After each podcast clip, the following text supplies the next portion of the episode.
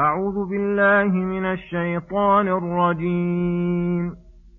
ولقد خلقناكم ثم صورناكم ثم قلنا للملائكة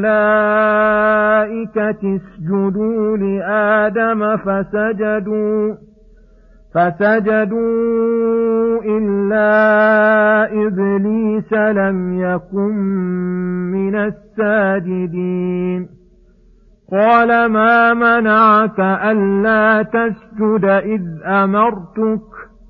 قال أنا خير منه خلقتني من نار وخلقته من طين. قال فاهبط منها فما يكون لك أن تتكبر فيها فاخرج إنك من الصاغرين. قال أنظرني إلى يوم يبعثون. قال إنك من المنظرين. قال فبما أغويتني لأقعدن لهم صراطك المستقيم. ثم لآتينهم من بين أيديهم ومن خلفهم وعن أيمانهم وعن شمائلهم ۖ ولا تجد أكثرهم شاكرين.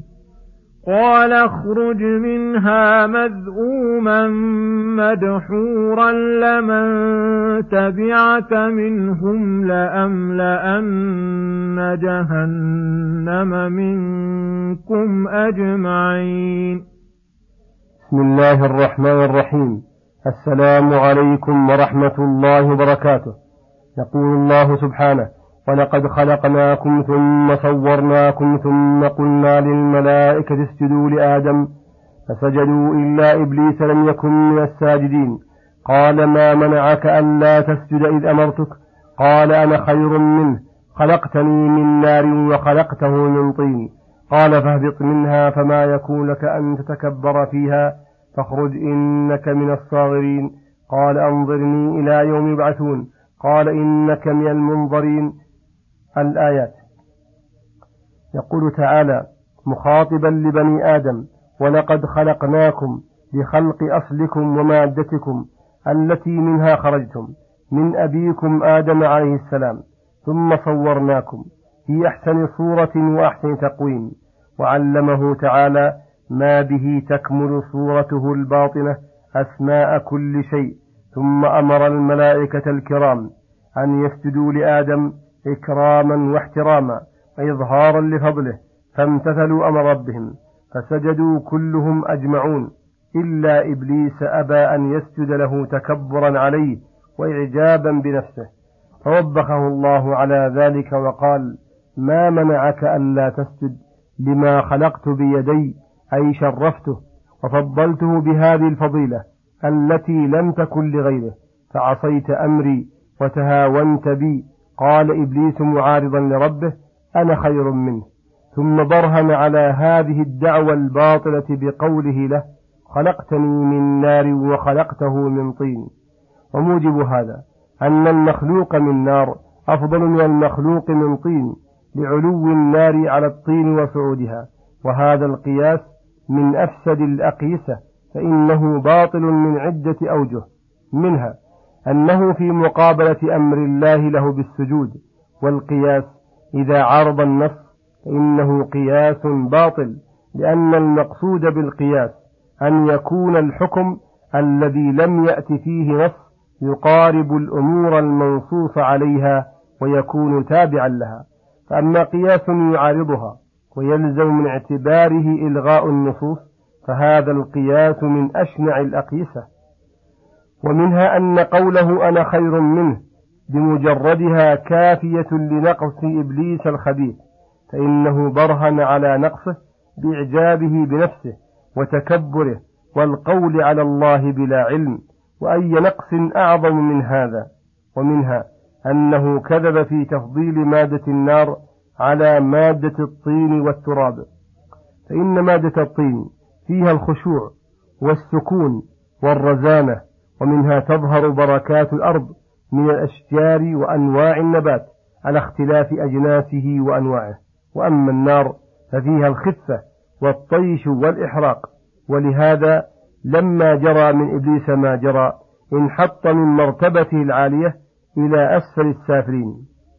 فقال الله له فاهبط منها أي من الجنة فما يكون لك أن تتكبر فيها.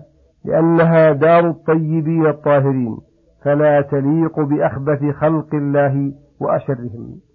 فاخرج إنك من الصاغرين أي المهانين الأذلين جزاء على كبره وعجبه بالإهانة والذل.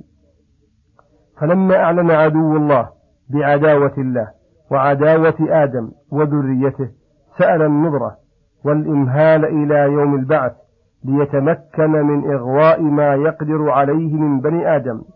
ولما كانت حكمة الله مقتضية لابتلاء العباد واختبارهم ليتبين الصادق من الكاذب ومن يطيعه ومن يطيع عدوه. أجابه لما سأل فقال إنك من المنظرين. أي قال إبليس لما أبلس وأيس من رحمة الله فبما أغويتني يقول سبحانه قال فبما أغويتني لأقعدن لهم صراطك المستقيم ثم لآتينهم من بين أيديهم ومن خلفهم وعن أيمانهم وعن شمائلهم ولا تجد أكثرهم شاكرين. أي قال إبليس لما أبلس وأيس من رحمة الله فبما أغويتني لأقعدن لهم أي للخلق صراطك المستقيم أي لألزمن الصراط ولأسعى غاية جهدي على صد الناس عنه وعدم سلوكهم إياه ثم لآتينهم من بين أيديهم ومن خلفهم وعن أيمانهم وعن شمائرهم أي من جميع الجهات والجوانب ومن كل طريق يتمكن فيه من إدراك بعض مقصوده فيهم. ولما علم الخبيث أنهم ضعفاء قد تغلب الغفلة على كثير منهم. وكان جازما ببذل مجهوده على إغوائهم ظن وصدق ظنه فقال ولا تجد أكثرهم شاكرين.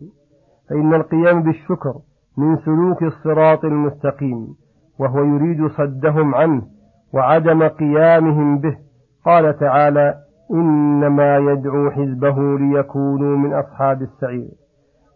وإنما نبهنا الله على ما قال وعزم على فعله لنأخذ حذرنا ونستعد لعدونا ونحترز منه بعلمنا بالطريق الذي يأتي منها ومداخله التي ينفذ منها فله تعالى علينا بذلك أكمل نعمة. ثم يقول سبحانه قال خذ منها مذءوما مدحورا لمن تبعك منهم لأملأن جهنم منكم أجمعين. أي قال الله لإبليس لما قال ما قال اخرج منها. خروج صغار واحتقار لا خروج إكرام بل مذءوما أي مذموما مدحورا مبعدا عن الله وعن رحمته وعن كل خير. لأملأن جهنم منكم أي منك وممن تبعك منهم أجمعين. وهذا قسم من الله تعالى أن النار دار العصاة لا بد أن يملأها من إبليس وأتباعه من الجن والإنس وصلى الله وسلم على نبينا محمد وعلى آله وصحبه أجمعين وإلى الحلقة القادمة غدا إن شاء الله والسلام عليكم ورحمة الله وبركاته.